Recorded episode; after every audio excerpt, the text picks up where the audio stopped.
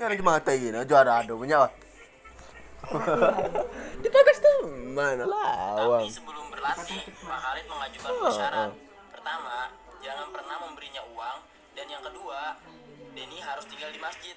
Jangan pernah kau kasih saya uang. Kedua, tinggal di sini. Karena Denny tidak percaya adanya Tuhan, kini Denny yang menolak permintaannya Pak Khalid. Lalu, Tenri mengejar Denny karena ingin tahu alasan menolaknya. Jawaban Denny